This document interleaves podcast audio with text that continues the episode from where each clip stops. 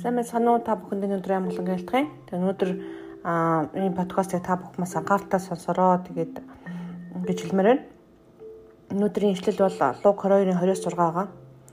Ахлах тахилч нар болон хуулийн багш нар түүнийг хэрхэн хөнөөх аргаа хайж байв. Түүнийг гэж Есүс хэлж байгаа. Учир нь тэд олон түмнээс айж байжээ. 12-ын 1 болох Искорат гэгддэг Юдаст сатан шүглөв англиар бүр сатан түүн дотор оржээ гэж хэлж байгаа.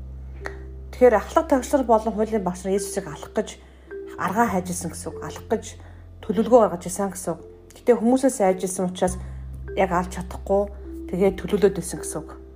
Тэгээ энэ үед 12-ийн 1 буюу Есүсийн дотор байсан шавнырын нэг дотор нь Искрот гэдэг юдэст сатан шуглаж байгаа.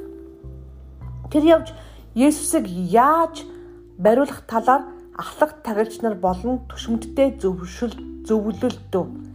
Тэгэхээр гаднаас тэрийг алж чадахгүй чадахгүй байсан бол дотор нь байсан шавь нь аргын зааж өгч байгаа. Тэд баярлаж түүнд мөнгө өгөхөөр тохиролцжээ. Эдвас санаа нийлж түүнийг тэдэнд хурсан олноос зайдуухан барьж өгөх аятаа завшааныг эрэлхийлж эхлэв. Тэгээ энэ талаар ч гэсэн иш үзүүлгүүд бол байгддаг байгаа. Мөнгөөр зарагдах талаар. Тэгэхээр Юдэсээ би асуудаг л да. За ингээд Эдвэс Бурхны нэрээр Иесусийн нэрээр чөтгөр хөөжсэн, эдгээжсэн, чөлөөлжсэн, мөнгө сахуу барьжсэн, бусдад одоо гэдгийг туслах гэж над мөнгө хэмнэх алдах ч юм олон хүн тусалж байсан ба. Тэгээд Эдвэсийг мөнгө сахуу барьдаг байсан ч гэсэн сайн унших юм бол олж мэдчих болно да.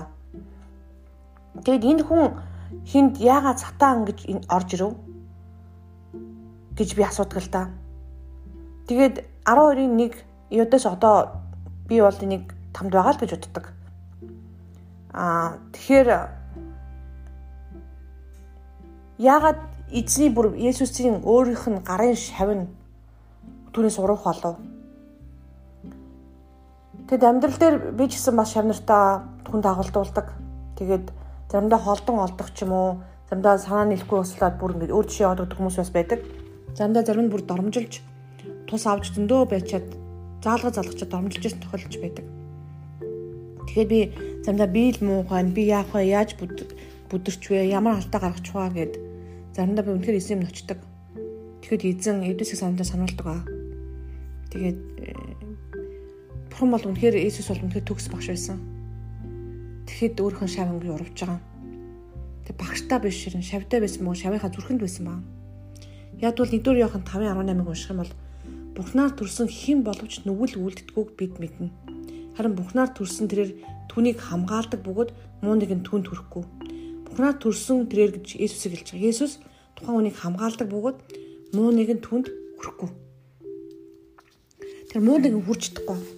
Харин тэр хамгаалж байгаа хүнийхээ эсрэг босхгүй зүрхэндээ үнэхээр зүрхэндээ үнэхээр wicked буюу муу муухай байх юм бол дэм нүгэл үлдэх үед Бурхны хамгаалт алга болж байгаа.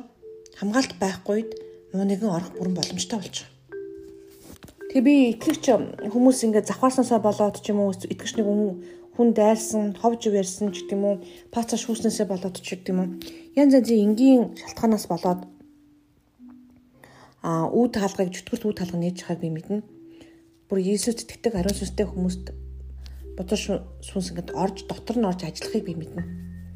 Тэгэхээр энэ сатан бүр Иесус эдвэсийн доторт орж Тэг Есүсийг явж бариулах талаар аргануудыг хийсэн гэсэн үг. Тэр яг жинхэнэ Есүсийг бариулсан зүйл бол сатан өөрөө байх нь л дээ. А гэхдээ Есүс түүний сатаны гаргал болж байгаа.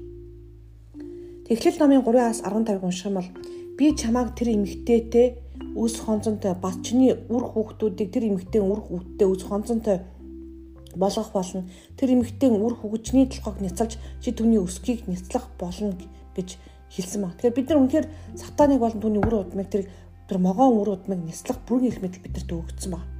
Гэтэл няцлахын оронд оруулаад тэрний гар хөл болж. Тэгэд үнийг бурхан надад зөвшөөрсөн гэж хэлдэг хүмүүс хүртэл байдаг.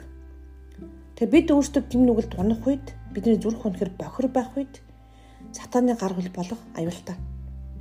Тийм учраас одоо 100% хамгаалагдсан ариун сүстэй юм чинь би юу ч хийсэн боломж гэдэг юм би үнэхээр Иесус итгэсэн юм чинь дураар амьдрнаа гэж хэлж болохгүй. Яг тэгвэл яг энэ юдэшэ болох аюул биднэрт байгаа. Тэгэхгүй тул яах ёстой мэ гэхээр аль болох гимнүглээс хүндэрх хэрэгтэй. Үнэхээр Есүс рүү эргэх ёстой. Бурхандаа бүр нягт харилцаа холбоотой байх ёстой.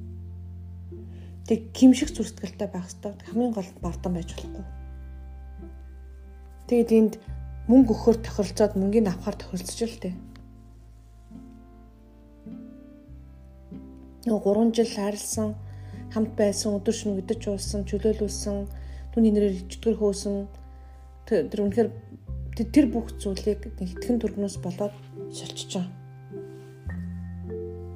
Тэр энд бас үнэхээр тэр мөнгөний тэр шунал гэдэг зүйл бол аюултай зүйл. Би мөнгө буруу гэж юусоо хэлээгүй. Аа тэгээд энэ энэ зүрхэнд нь ямар асуудал байгаад сатаа орсыг сайн хэлж мэдэхгүй ч гэсэн гимнүгэлтэй бай. Зүрхэн бохор байсан л гэсэн. Тэгээд эзэмнээ бидний зүрхийг зүрхийг үнэхээр цэвэрлж өгөөч, хариуцгаж өгөөч эзэм нь. Таны гэсэн эсрэг хийгдэх янз бүрийн бодол санаануудыг бүгдийг та барьж өгөрөө. Энэ цаг мөчид Иесус Христосийн дотор байхад туслаарай гэж залбираа.